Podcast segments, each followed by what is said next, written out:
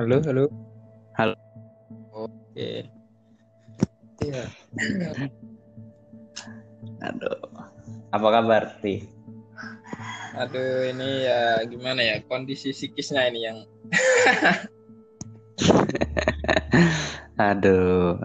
Airi, Iya, asli mana, Ri? ya sehat, tapi ya harus waspada lah, Mas. Iya sih. Di sana aman Aman. Mas, sekarang gimana nih posisi? di Tangerang. Tangerang, aku di Bekasi loh sebenarnya. Waduh. Aduh. Di sana udah PSBB ya?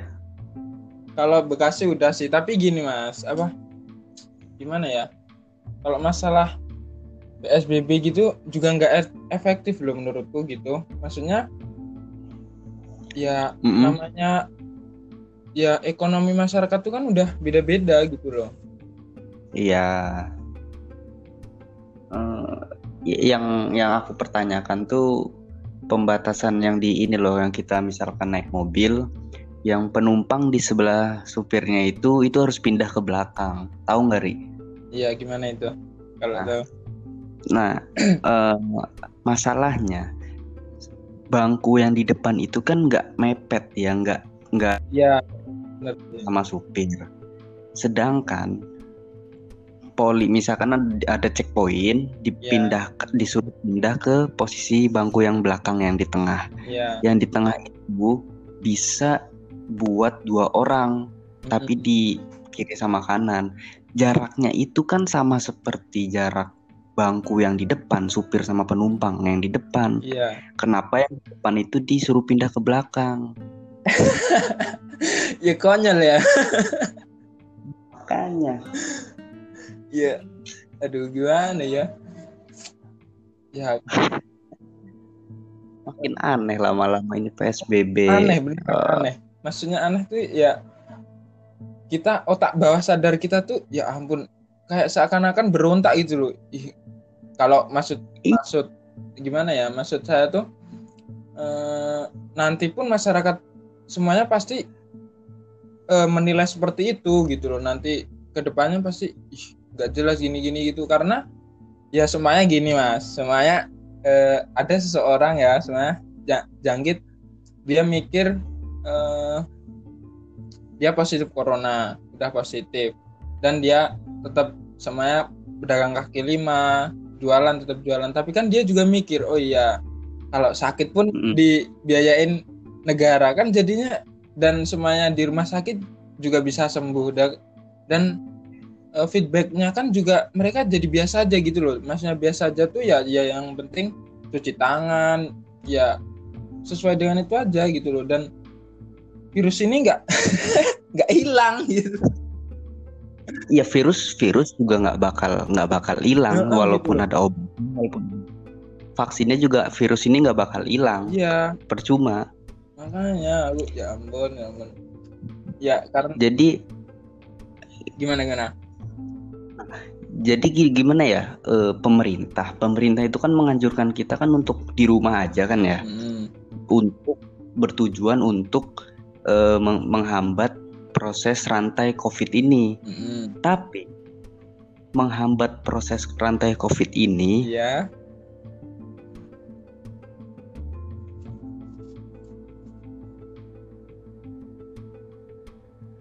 halo halo. Kok mati?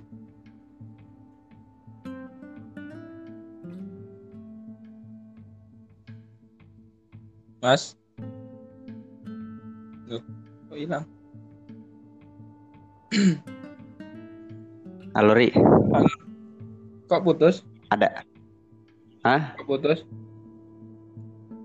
Sinyalnya kali. oh iya. Tapi ada sekarang. oh iya gimana gimana k- eh, pemerintah itu kan me- memberi arahan Mm, kepada masyarakat untuk tetap di rumah aja. iya Tapi eh, eh, dengan tujuan itu menghambat eh, proses eh, penyebaran ini- rantai COVID. Nah, tapi di satu di satu sisi di saat rantai COVID uh, itu berkurang, Iya.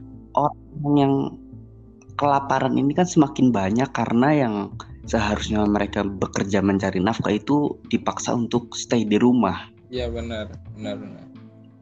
Jadi ya gimana ya? Kita juga mikir kita kita kan punya hak asasi manusia dong. Iya. Kita nggak 24 jam diem di rumah apalagi kasihan yang uh, ojek online, supir taksi, supir angkutan umum. Kalau misalkan mereka gak bekerja, sekarang banyak yang pegawai-pegawai dirumahkan aja, di PHK. Iya banyak. Banyak ada yang dipotong dipotong gaji, yang tadinya gajinya sekian juta jadi ya. sekitar ribu itu kan gimana ya kasihan gitu ya gimana ya?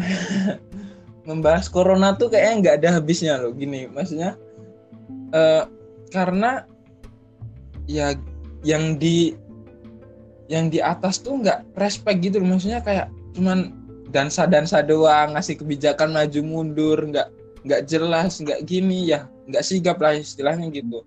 Tapi ya gimana sebagai sebagai masyarakat yang udah satu bulan lebih cuman di rumah aja maksudnya kayak mahasiswa ya maksudnya. Cuman di rumah aja mau ngapain? Keluar nanti kalau ditangkap satpol, satpol pp disuruh bubar sama aja. Terus ya cuman di rumah nonton hp boring tidur ban baca buku gitu terus dah. Kan nggak ada solusinya gitu loh maksudnya. Ada masalah baru di balik semua kebijakan itu gitu loh maksudnya dan sedangkan eh, masalah kayak ya yang utama tuh yang langsung terkena kayak eh, yaitu ojek online kayak pedagang kaki lima kayak hmm.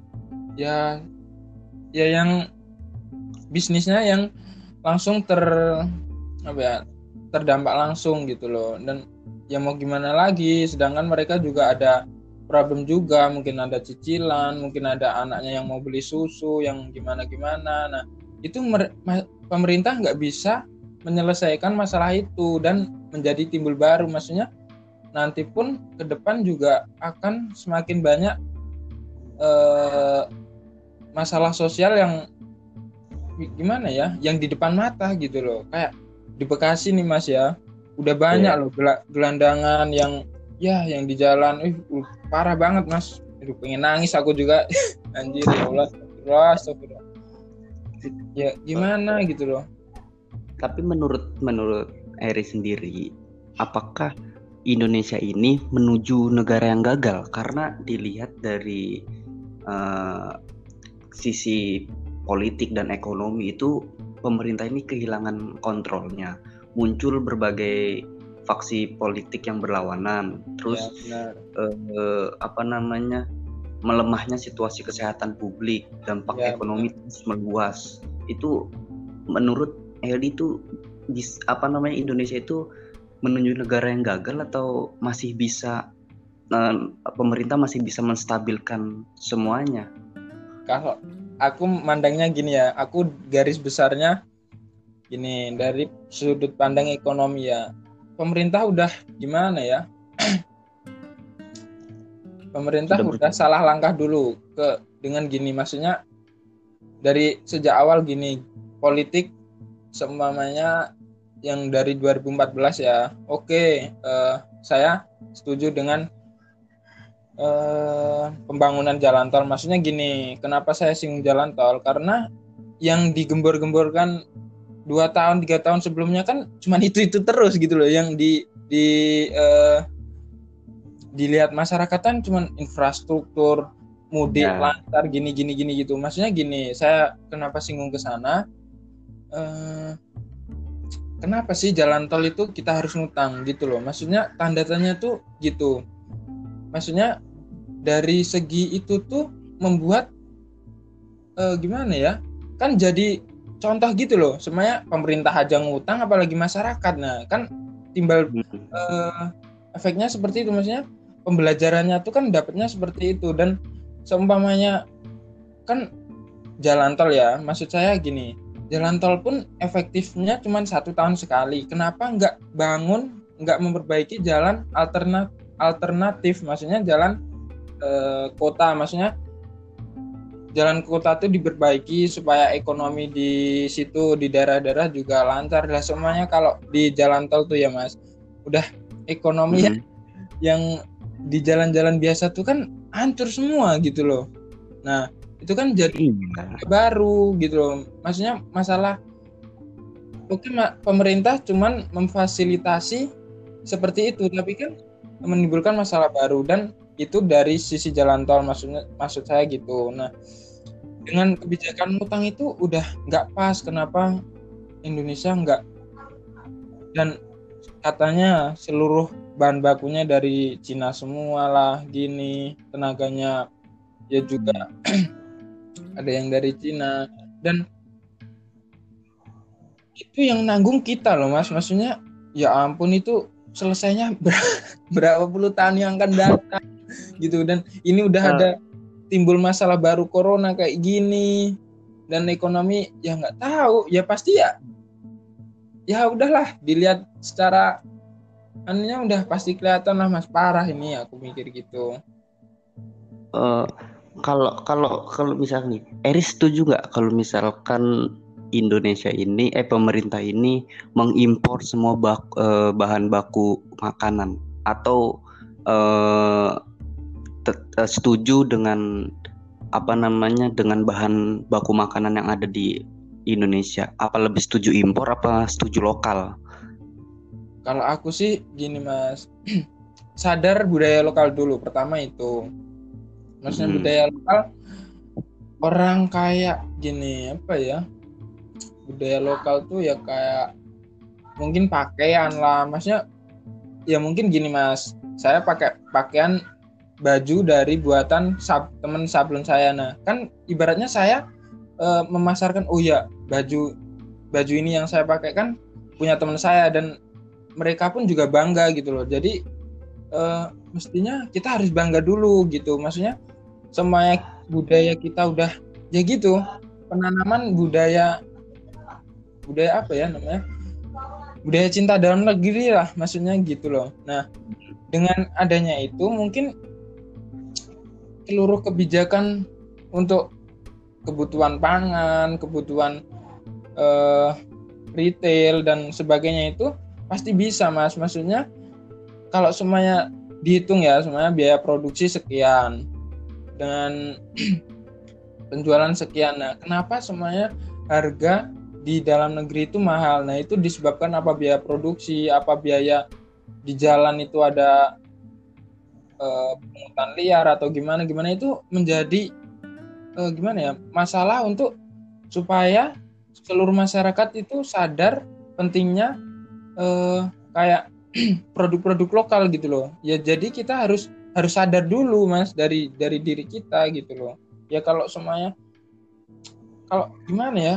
Ya alhamdulillahnya gini mas. Alhamdulillahnya kan kita mahasiswa gitu loh. Mahasiswa tuh garis besarnya kita bisa diskusi dengan emas, saya bisa diskusi dengan emas, tukar pikiran, tukar pandangan kan jadi mengerti gitu loh mas. Dan kalau ya gimana ya susah lah mas kalau bahas itu gitu loh. Ya semuanya kalau aku pilih harus sadar dulu mas, harus sadar tentang hmm. budaya lokal lah inti intinya seperti itu kalau aku ya. Ya. Hmm, tapi tapi tapi kita mengerti kan bahwa misalkan kita misalkan setuju dengan lokal, kita harus siap dengan uh, rules yang ada. Contoh kayak bahannya langka, semua produksinya langka, agak susah dan harga pun lebih jauh lebih mahal daripada kita mengimpor. Ya, ya itu harus dipikirkan oleh pemerintah gimana solusinya, Mas. Ya kan gimana ya? ya semuanya saya jadi pemerintah. ya makanya makanya pemerintah sampai saat ini dia masih mem mempertahankan uh, dia lebih lebih mengutamakan import karena apa? Ketua MPR uh, eh, itu uh, mengatakan katanya sebenarnya Indonesia ini banyak beras.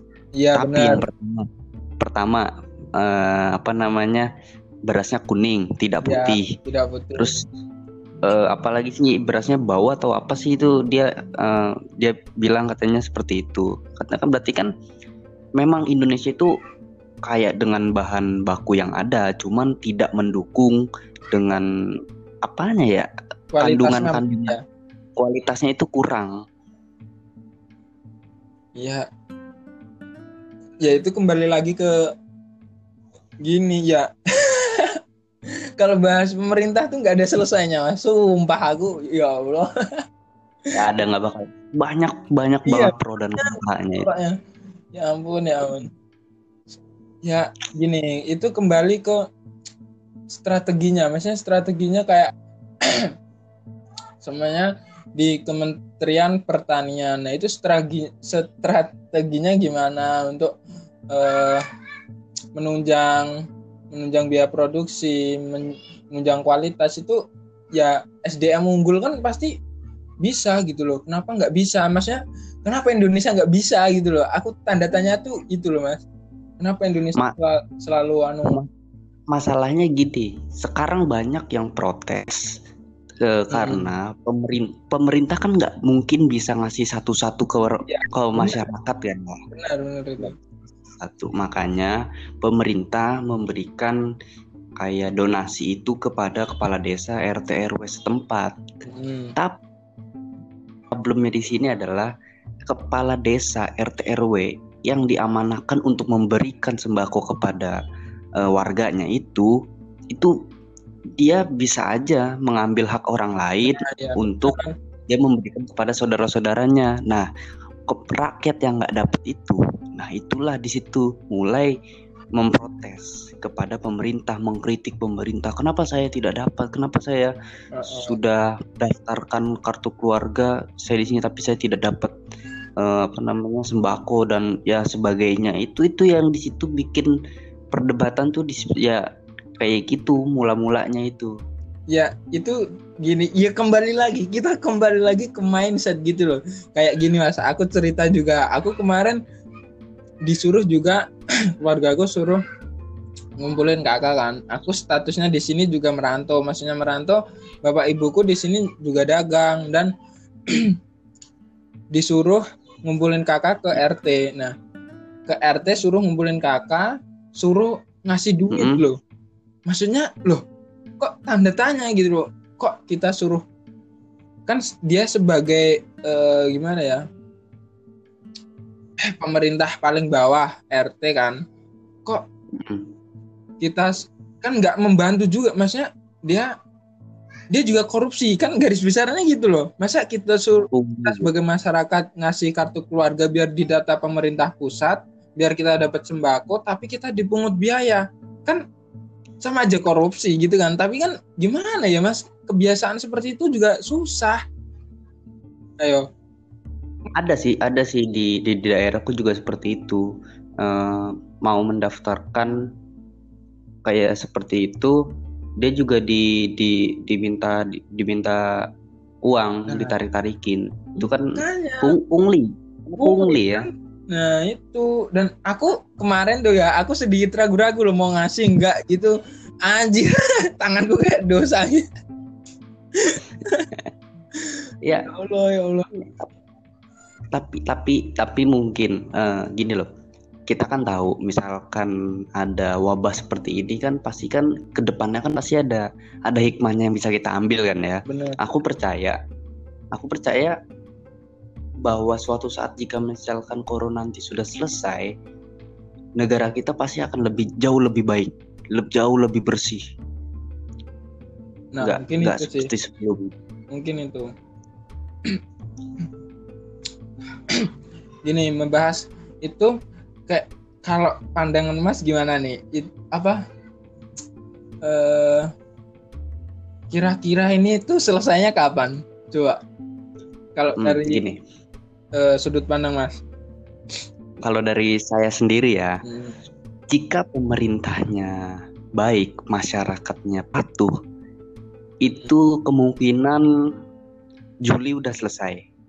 Juli? Tapi kalau mis Juli Juli sudah sudah selesai. Tapi kalau pemerintahnya bagus tapi masyarakatnya tidak bagus itu sekitar Agustus. Nah, kalau pemerintahnya itu tidak bagus, masyarakatnya juga tidak patuh terhadap arahan pemerintah, itu paling lama September Oktober baru selesai. Nah, itu. Tanda tanyanya gini, Mas. Mas dan seluruh masyarakat Indonesia tuh sadar nggak sih kita itu dipaksa kayak dipaksa untuk ya kayak gini. Sebenarnya kita bisa ngobrol di Warmindo atau di angkringan atau di mana tapi kita harus terhubung dengan internet. Dan kita harus ngeluarin biaya untuk ngobrol kayak gini. Sadar nggak gitu loh? Maksudnya kok kayak kita itu dipaksa loh gitu ya makanya sekarang gini banyak rakyat yang tadinya kaya setelah adanya pandemi ini jadi miskin. Karena apa? Karena dulu misalkan penghasilannya 100 juta setiap bulan e, pembayaran kredit lancar-lancar. Karena ada wabah covid ini gaji yang 100 juta itu dipotong misalkan jadi setengahnya. Yang pembayarannya tadi lancar jadi iya. macet-macet macet berkurang harta berjalannya itu yang harusnya dibayarkan malah malah kurang gitu gara-gara gara-gara ya, adanya pandemi ini. Jadi kan makin lama dia makin miskin, makin berkurang. Banyak banyak banyak banget yang yang orang yang kaya sekarang menjadi miskin, orang yang rentan miskin juga lebih banyak. Ya, gimana ya? Ya itu udah aduh, udah global lah Mas itu. Kalau bicara itu mah. Mau gimana gimana juga susah. Mau iya. gimana ya? Kita sebagai uh, rakyat ya harus gimana coba? Bingung juga kan? Mau gimana? Kalau aku sih kasihan yang di PHK yang di rumah ya, kan itu banyak kasihan. itu pasti. Banyak. Udah. Aku lihat berita berita kayak di kasihan di mana tahu nggak Ramayana yang di Depok apa di mana tuh? Mm -hmm. terus ya itu. Terus yang kedua yang di itu video kayak di to, apa pabrik sepatu kayaknya. Apa ya? Pabrik sepatu. Ya itu. Terus yang kayak Ramayana di Bekasi pun udah tutup belum mas. Semua semua mall di sini mall mall di sini Sumarekon Lipo Ion itu udah tutup semuanya iya gelap. Dan parah ya itu udah gimana? Yang yang bisa bangkit tuh ya yang ekonomi gimana ya? Mikro kayaknya maksud saya hmm. ya, yang iya coba UMKM UKM ya, eh itu ma masih bisa bergerak lah. kalau perusahaan-perusahaan besar udah pasti langsung anjlok ya. Mm -mm, pasti itu orang ada yang mana di di Serang itu pabrik sepatu Nikomas itu karyawannya itu puluhan ribu berhenti total. Total langsung. Total langsung berhenti. Ada juga di Bitung itu Astra dua karyawannya itu 1600 meninggal dua atau tiga orang yang meninggal itu langsung diberhentiin. Oh, parah. Kalau di Bekasi kan deket ini kawasan MM kan yang kayak AHM terus Denso Epson kayak gitu-gitu Yamaha. Nah itu juga udah banyak mas. Masnya gini aku kemarin ngobrol sama karyawan PT apa namanya lupa aku. Sugiti apa apa ya? Mm-hmm. nah dia udah semuanya karya kan sistem karyawan tuh gini. Kalau di sini tuh sistemnya kontrak kan nah, kontrak yeah. yang habisnya semuanya bulan Mei atau bulan Juni itu udah dihabisin bulan ini loh jadi udah udah benar-benar banyak ini yang gimana ya yang PHK yang nganggur iya. yang gini itu iya. udah waduh parah ini iya. nanti kalau seperti itu sih sistem kan kontrak misalkan habisnya bulan ini ya udah nggak diperpanjang nah, nah iya itu nah terus kalau gini terus nah terus kan tanda tanya mas kalau nggak kalau nggak hancur kan tanda tanya gitu loh mau berharap kayak gimana pun kalau ekonomi nggak jalan ayo Iya, Mang. Kartu Gimana coba? kartu prakerja. Kemarin ada orang yang mau daftar prakerja katanya udah penuh. Udah penuh. Iya, Ada lagi eh, pemerintah ngadain kartu prakerja gelombang 3 di awal bulan Mei. Loh, kenapa harus kenapa mesti lama banget? Walaupun ya tinggal berapa hari, cuman kan kenapa ada jenjang waktunya? Emang lapar kita nunggu nunggu pemerintah ada Iya. Ya. Ya karena harus ngutang dulu. Dari mana? Orang ekonomi aja tutup. Gimana coba? Kan kemarin kayaknya dapat dana dari IMF berapa triliun gitu. Nah, Iya. Tapi aku nggak lihat beritanya sih.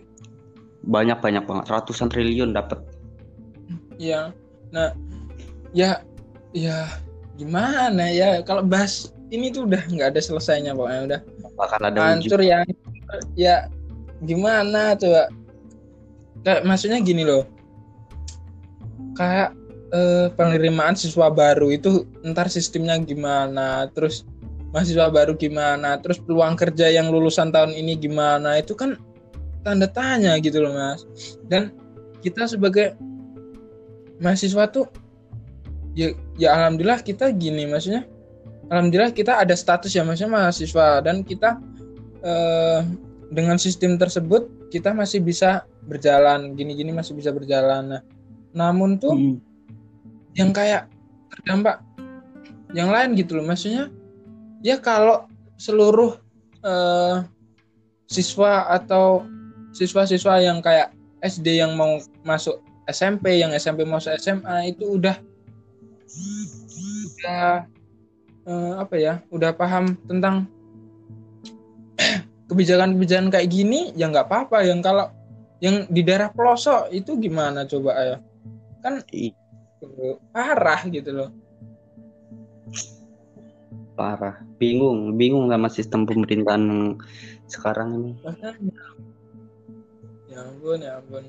Kayak yang itu bahas yang itu tahu nggak staf staf sus presiden yang ngundurin diri itu? Iya Apa, staf tahu. milenial? Abal-abal ya Allah ya Allah. Kok gitu ya? Maaf yang aku pertanya yang aku masih bingung gini staf eh, muda presiden itu tuh tugasnya tuh ngapain? Ya gitu loh.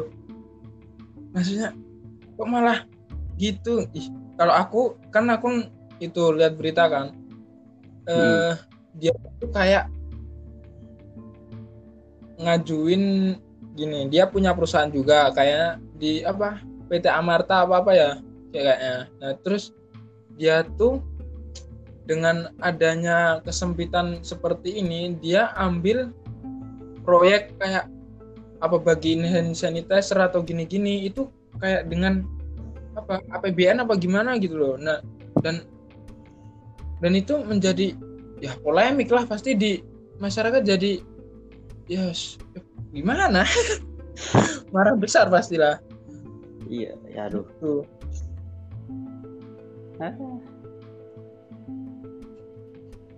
tapi ya mau gimana lagi? Kita mau mau mau meng- mengkritik belum tentu ada yang dengar. Nah, gitu loh.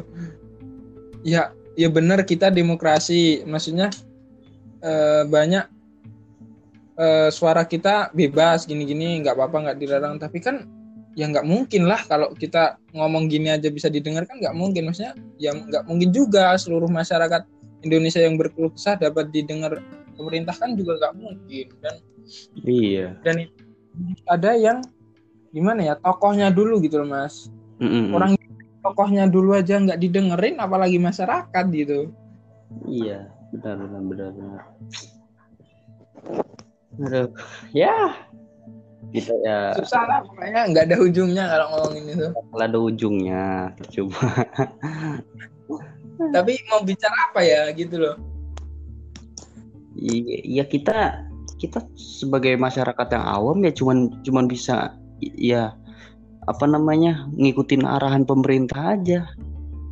Karena ya ya gitu doang ya kita ngebandel dikira eh misalkan kita ngelawan arahan pemerintah dikira kita nggak bisa taat sama aturan pemerintah. Cuma Iya. aturan pemerintahnya baratnya menyesatkan kita. Menyusahkan masyarakat gitu kan ya Iya. ya mau gimana lagi pokoknya kalau bahas ini kalau bahas pemerintah ketawa tapi ya mangkel ya Iya. lucu ya gimana ya Allah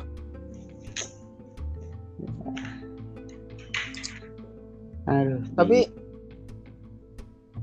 ngomong-ngomong di Tangerang gimana mas kondisinya sekarang sih apa namanya kalau di dekat rumahku ini udah mulai dipertegas. Hari ini udah mulai dipertegas nggak boleh ada yang berboncengan dengan orang lain kecuali dengan satu keluarga. Keluarga? Terus ada beberapa apa namanya checkpoint checkpoint yang pokoknya setiap kendaraan tuh di, diberhentiin dicek misalkan ada yang berboncengan itu dicek KTP-nya itu satu rumah atau dengan orang lain. Masih masih bandel masih bandel masih bandel banget. Ya gini garis-garis lurusnya gini. Ya gimana ya? Nggak bisa juga loh. Mau dilarang gini gitu juga nggak bisa juga. Dan gimana solusinya tuh nggak ada loh mas. Menurutku loh. Mm-mm. mau mau gimana kalau nggak ada obatnya itu lagi bisa. Kalau gini terus itu kan cuman kita menghambat lajunya perlandaian itu. Dan dan telat telat juga gini loh kenapa kebijakan PSBB itu udah dari nggak sejak Maret gitu loh maksudnya. Eh seumpamanya ya kalau se- bulan Maret tuh kan kebijakan kayak kita sebagai mahasiswa kan langsung diliburkan gini-gini ini.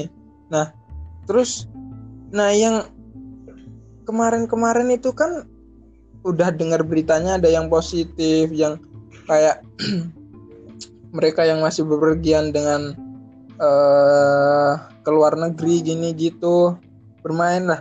Nah, kan udah berinteraksi dengan orang banyak juga dan kalau itu pun dari Maret dicegah pun maksudnya eh, yang yang jadi kota zona merah itu pun juga pasti Jakarta karena kalau kayak gini tuh kan udah menyebar masih baratnya gitu Iya benar. Iya ya. Susah mau komentar apa? Mau komentar susah. ya ya udah menyebar ke seluruh Indonesia loh gitu maksudnya udah yang di Sulawesi udah ada yang kena Kalimantan udah kena Sumatera kena nah mereka yang di sana-sana itu nunggu aja. Ya kita nunggu aja gitu loh. Grafik naik. Kalau di Jakarta udah naik ya kan? Udah full maksudnya udah banyak udah maksimal udah itu baru mulai melandai turun. Set. Dan hilang. Dan yang daerah-daerah lain yang baru kena baru kena ini mulai naik mulai naik. Gitu kan? Ya mau gimana nggak ada solusinya dan ini kayak gini terus tuh mau sampai kapan gitu loh Iya, iya, agak susah. Di kalau kalau di tempat R itu gimana? Eh, ibadah masih di masjid atau udah di rumah? Anunya. kebijakannya Iya. ya aku udah nggak efisien tuh gini mas. Kayak di pasar. Kan daerah aku tuh deket pasar. Deket Mm. pasar. Terus masih banyak orang yang kerja di manufaktur yang di kawasan. Masih banyak. Ya Mm. masih biasa-biasa aja lah. Maksudnya masih biasa aja tuh ekonomi di sini masih berjalan. Yang menengah maksudnya yang di bawah ya maksudnya kayak ya kayak penjual warteg ya kayak bakso keliling ya kayak apa-apa itu masih masih jalan maksudnya maksudnya karena yang yang kayak pekerja-pekerja di buruh-buruh itu belum masih bisa perusahaannya masih bisa jalan gitu loh. Masih masih dan di, di, di lingkungan di lingkungan rumah Eri itu masih ada ini pas sahur orang yang bangunin. Nggak ada itu. Cuman bocah-bocah aja. Itu pakai iya eh, bocah-bocah maksudnya banguninnya itu pakai kayak duduk-duduk berisik atau mengganggu gitu atau gimana? Enggak cuman jalan-jalan doang. Nggak pakai ya cuman bocah-bocah kan cuman jalan gitu. Cuman sahur sahur nggak jelas gitu doang. Maksudnya nggak pakai serami dulu gitu loh. Maksudnya cuman jalan-jalan aja gitu. Nggak pakai alat-alat gitu? Nggak nggak. Oh kalau kalau di Tangerang itu udah ada surat edaran pelarangan membangunkan orang sahur. Tapi gitu ya? tapi di tempatku masih aja ngebandel. Ada yang jam 2 ngebangunin dung dung dung dung aduh ada udah, udah diprotes udah diprotes. Tapi nggak terima diprotes. Dia gimana ya? Bantal bantal kapuk itu dibuka di jalan dikotorin pakai kapuk sepanjang jalan karena nggak terima diprotes. Ya itu mindsetnya mas? Ya susah lah udah pokoknya susah udah. Udah udah udah udah habit orang Indonesia itu kan susah untuk dirubah habitnya makanya. Iya. karena gini mungkin dilihat dilihatnya itu ini bahasa kasarnya itu Indonesia itu negara yang jo oh, kotor. Nah dengan jorok gitu ya ya jorok. Dengan ada pandemi corona ini maka perlahan mengajarkan untuk hidup lebih sehat lebih bersih. Tapi nah mungkin itu. tapi lebih lama. Habit nah orang Indonesia itu kan susah untuk dirubah. Ya, agak benar benar benar. agak agak ngebandel gitu. Makanya dibuat mungkin mungkin mungkin ini dibuat agak lama untuk membiasakan membiasakan seperti cuci tangan menggunakan masker jaga jarak. Jadi ya lebih hidupnya juga lebih sehat lebih bersih jauh dari penyakit jauh dari virus. Makanya kalau misalkan orang-orang Indonesia apa namanya bersih juga pandemi ini juga pasti akan lebih cepat hilangnya. Iya benar sih gitu ya ya gimana mas? Kondisi dan keadaan nggak bisa itu semua pokoknya. Kalau aku mikir tuh ya udah gini terus. Pokoknya yang nanti jadi efek maksudnya yang jadi problemnya tuh udah kesehatan tuh pasti langsung jebol. Mm-mm. terus TNI, TNI Polri jebol. Mm. itu terus relawan ketiga. Terus yang yang pokoknya yang yang berurusan langsung seperti itu pasti langsung jebol dah pokoknya udah pasti itu Iya, kelihatan ya. uh, gimana ya?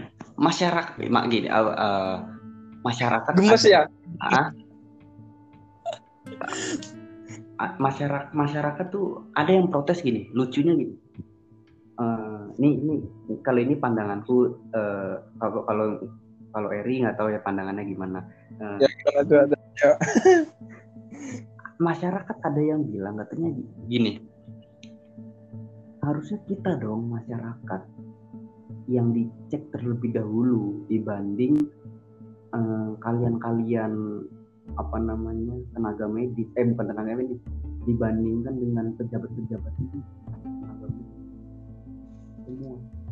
Sekarang kalau kita lebih mengutamakan masyarakat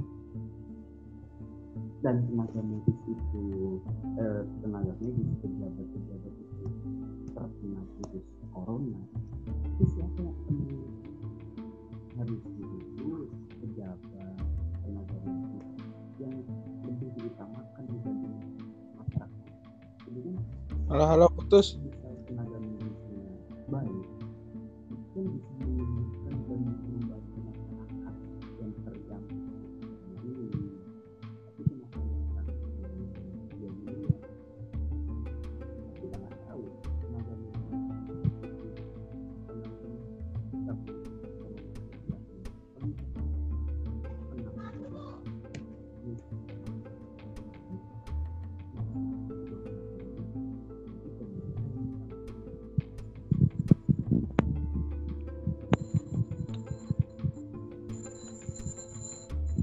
halo mas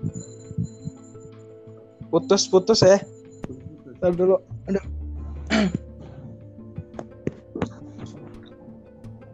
putus putus Ri. Oh. Ya, udah udah. Udah ada. Udah nih. Nah, Oh ya. Gimana gimana? Putus saya tadi. ah, gini. Masyarakat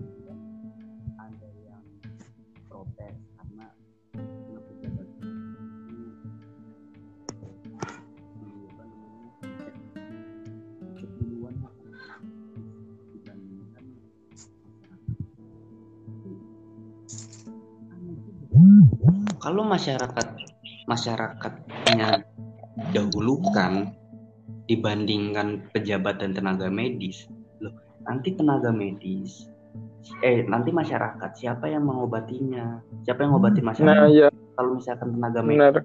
kan kita nggak tahu tenaga medis itu naik apa positif corona atau enggak kalau misalkan tenaga medisnya itu positif corona lalu dia mengobati masyarakat itu kan pasti kan akan menyebar lagi menyebar luaskan virusnya lagi makanya kalau aku lebih setuju kita tuh mengeteri eh, ibaratnya gini kita sterilkan dulu tenaga medis kalau misalkan tenaga medisnya sudah steril semua baru ada lampu hijau dari pemerintah tenaga medis yang sudah steril boleh mengobati masyarakat. Kalau misalkan kita lebih mengutamakan masyarakat dulu, mengobatin tenaga medis kalau tenaga medisnya itu positif corona. Nah, ya ya itu emang maksudnya ya emang tuh ya gini aja semuanya maupun seluruh masyarakat mau dites kan nggak bisa mas nggak mungkin loh 250 lebih juta manusia di Indonesia mau dites mana mungkin gitu loh. Iyalah, Ah, ya. Makanya. Nggak nggak bakal nggak bakal nggak bakal. Ada sih orang yang gimana ya? Iya. Kan lucu aja mati karena ngeremehin corona. Ah corona penyakit bisa disembuhkan. Ah corona penyakit pasti ada obatnya. Lucu aja ntar mati. Nyalain pemerintah. Aduh ya NKRI garis lurus kayak gitu. Ya gini loh. Kalau kalau aku gini Mas paham itu nggak? Teori konspirasi. Sering nonton berita Suka, mengenai sering. teori konspirasi nggak? Nah kayak kayak gitu. Maksudnya gini seluruh dunia aja udah anjlok. Maksudnya dengan sistem yang mereka eh, bagus sistem kesehatan bagus pemerintahan bagus. Dan eh, kalau Indonesia nggak bisa baca itu maksudnya nggak bisa membuat grand plan membuat eh, sebuah rencana ke depan gimana. Nah itu menjadi problem kita loh. Maksudnya menjadi problem masyarakat tuh kalau masyarakatnya bisa nanti. Nah kalau nggak bisa dan maksudnya bisa dengan kebijakan-kebijakan tersebut dengan adanya eh, kebijakan nggak mudik gini gitu. Nah ntar kalau seumpamanya ada timbul di belakang masalah baru nah itu kan menjadi problem juga gitu problem juga di dalam sini gitu di dalam negeri gitu. Dan yang mau nyelesain gimana ini? Nggak ada selesainya loh. Kalau menurutku loh ini tuh nggak ada selesainya. Nggak tahu ini sampai kapan kayak gini. Kita dibuat dengan kita harus ngobrol kayak gini kita Hmm. harus kuliah kayak gitu kerja kayak gitu nah kita harus dipaksa seperti itu terus gitu itu nggak tahu sampai kapan seluruh dunia tuh Iya. kayak gini terus gitu dan kita tuh kan gimana kita kalau aku kalau aku menganggap covid itu memang ada memang nyata teori konspirasi memang Ya, juga benar. ada tetapi dengan dengan adanya teori konspirasi benar. ini jangan sampai itu menghilangkan empati Kita- kita, nah benar jangan ya gitu lah apa namanya empati kita hilang karena adanya covid dan adanya teori konspirasi ini yang bawa-bawa virus corona. Sekarang apa Bill Gates disalah-salahin di pojok-pojokin jadi makin menyebar luas karena ada yang bilang virus corona ini penyebabnya eh, buatan Bill Gates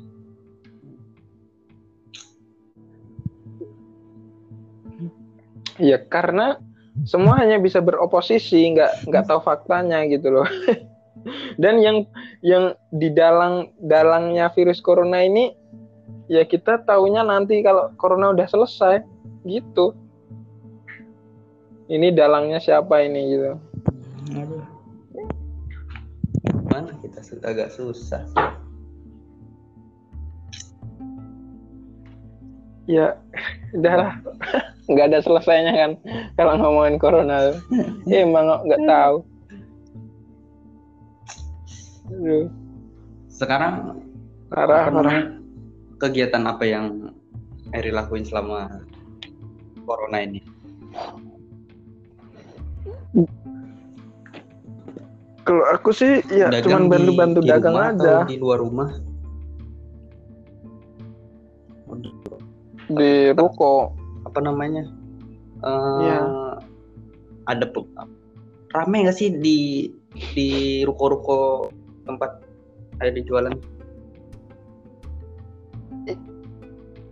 masih biasa aja loh mas masih ya masnya masih biasa aja tuh masih ada yang bekerja masih ada yang gini gitu masih pokoknya masih aja cuman pengurangan gitu maksudnya cuman pengurangan karyawan maksudnya kayak yang karyawan kontrak diberhentiin kayak karena di sini tuh banyak para buruh gitu maksudnya para pekerja di di kawasan Hmm. maksudnya gitu jadi masih ya masih lumayan ada karena eh kan udah juga lama juga di sini gitu bapak ibuku juga udah lama Hmm. gitu mau pulang pun juga bingung juga loh. Maksudnya mau mau aku mau ke Wonogiri gitu. Mau ngapain juga maksudnya.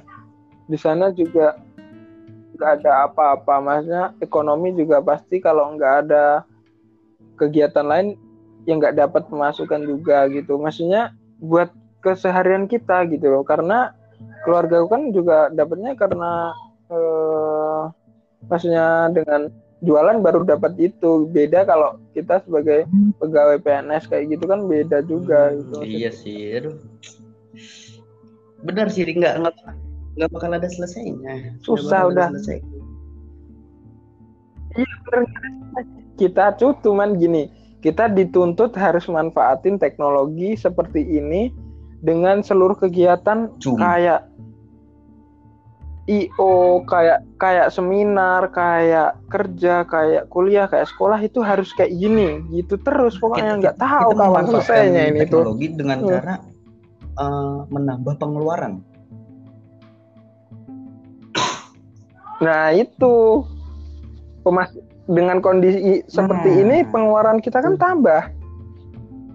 Nah itu loh ya Yang Allah ya jualan- Allah. Yang jualan Susah ya, penghasilannya berkurang gara-gara ini kan.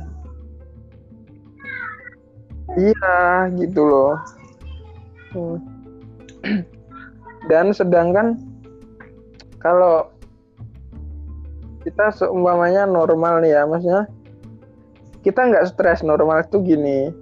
Kita semuanya di kosan, terus pengen ngobrol, main diskusi itu kita bisa kumpul, bisa tatap muka, bisa canda-canda, bisa ya gimana gimana dengan teman-teman cewek, entah cewek entah cowok bisa have fun bareng gitu ngopi gitu bisa ngobrol-ngobrol. Nah dengan seperti Iya. ini semuanya kan berubah gitu loh mas. Gitu. Dan ya itu menurutku ini nggak tahu sampai kapan entah dua tahun entah gimana. Kalau mas bayangin ya kita kuliah semester ini kan mas semester Ya. lima eh, empat. Semester empat. Semuanya semester empat kita semester empat mas semester dua aku ini eh kayak gini gini terus belajar online. Sampai semester mas semester 6 aku sampai semester 4 nah gini terus dah. Itu gimana coba kalau kita bayangin ayo? Kan kalau udah ada obatnya itu virus mungkin sistemnya udah jalan normal udah jalan. Nah, orang obatnya aja nggak ja, nggak ada kok mikir mau mau Iya. normal. Kan mikirnya gitu loh. Obatnya aja nggak ada. Mau mikir normal Pusing, kan pusing. tanda tanya mikirin mikirin. Ya.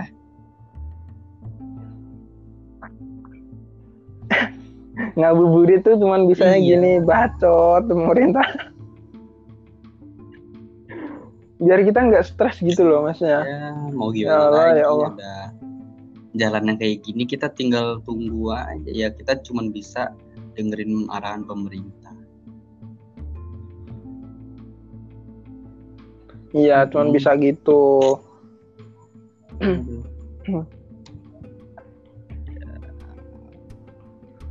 Cukup. Tapi ngomong-ngomong eh apa? gimana ya Mas kemarin eh, setelah adanya kegiatan ini di itu surat edaran langsung Enggak, balik apa gimana itu balik. kemarin Aku, aku stay dulu. Aku balik karena eh udah pada pulang semua. Aku sendiri juga ya bosen juga pada pulang.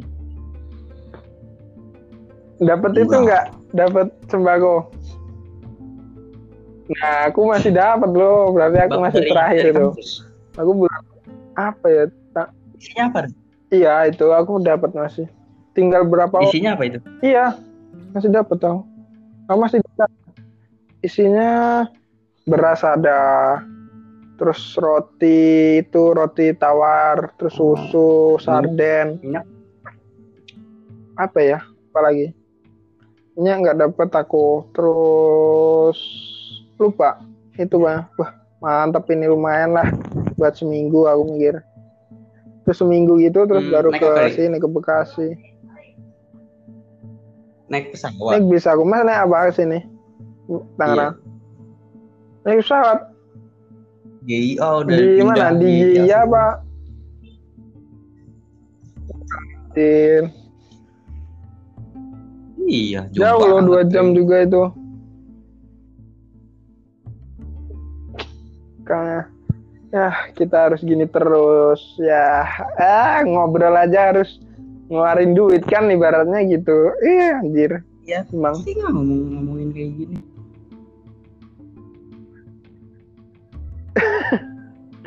nggak ada habisnya ya kita ambil hikmahnya aja semua semoga gini masyarakat eh, seluruhnya itu gini bisa sadar untuk Untuk perubahan gitu kita harus berubah gitu loh nah intinya tuh seperti itu semuanya masyarakat semua semoga bisa segera sadar untuk segera berubah Ya, Gitu. ya semoga itu Ya, seperti itu. bisa berubah lah ya. Ya, itu kan dengan cara maksa berubahnya nggak maksa. iya emang harus dipaksa berubah pun Ya.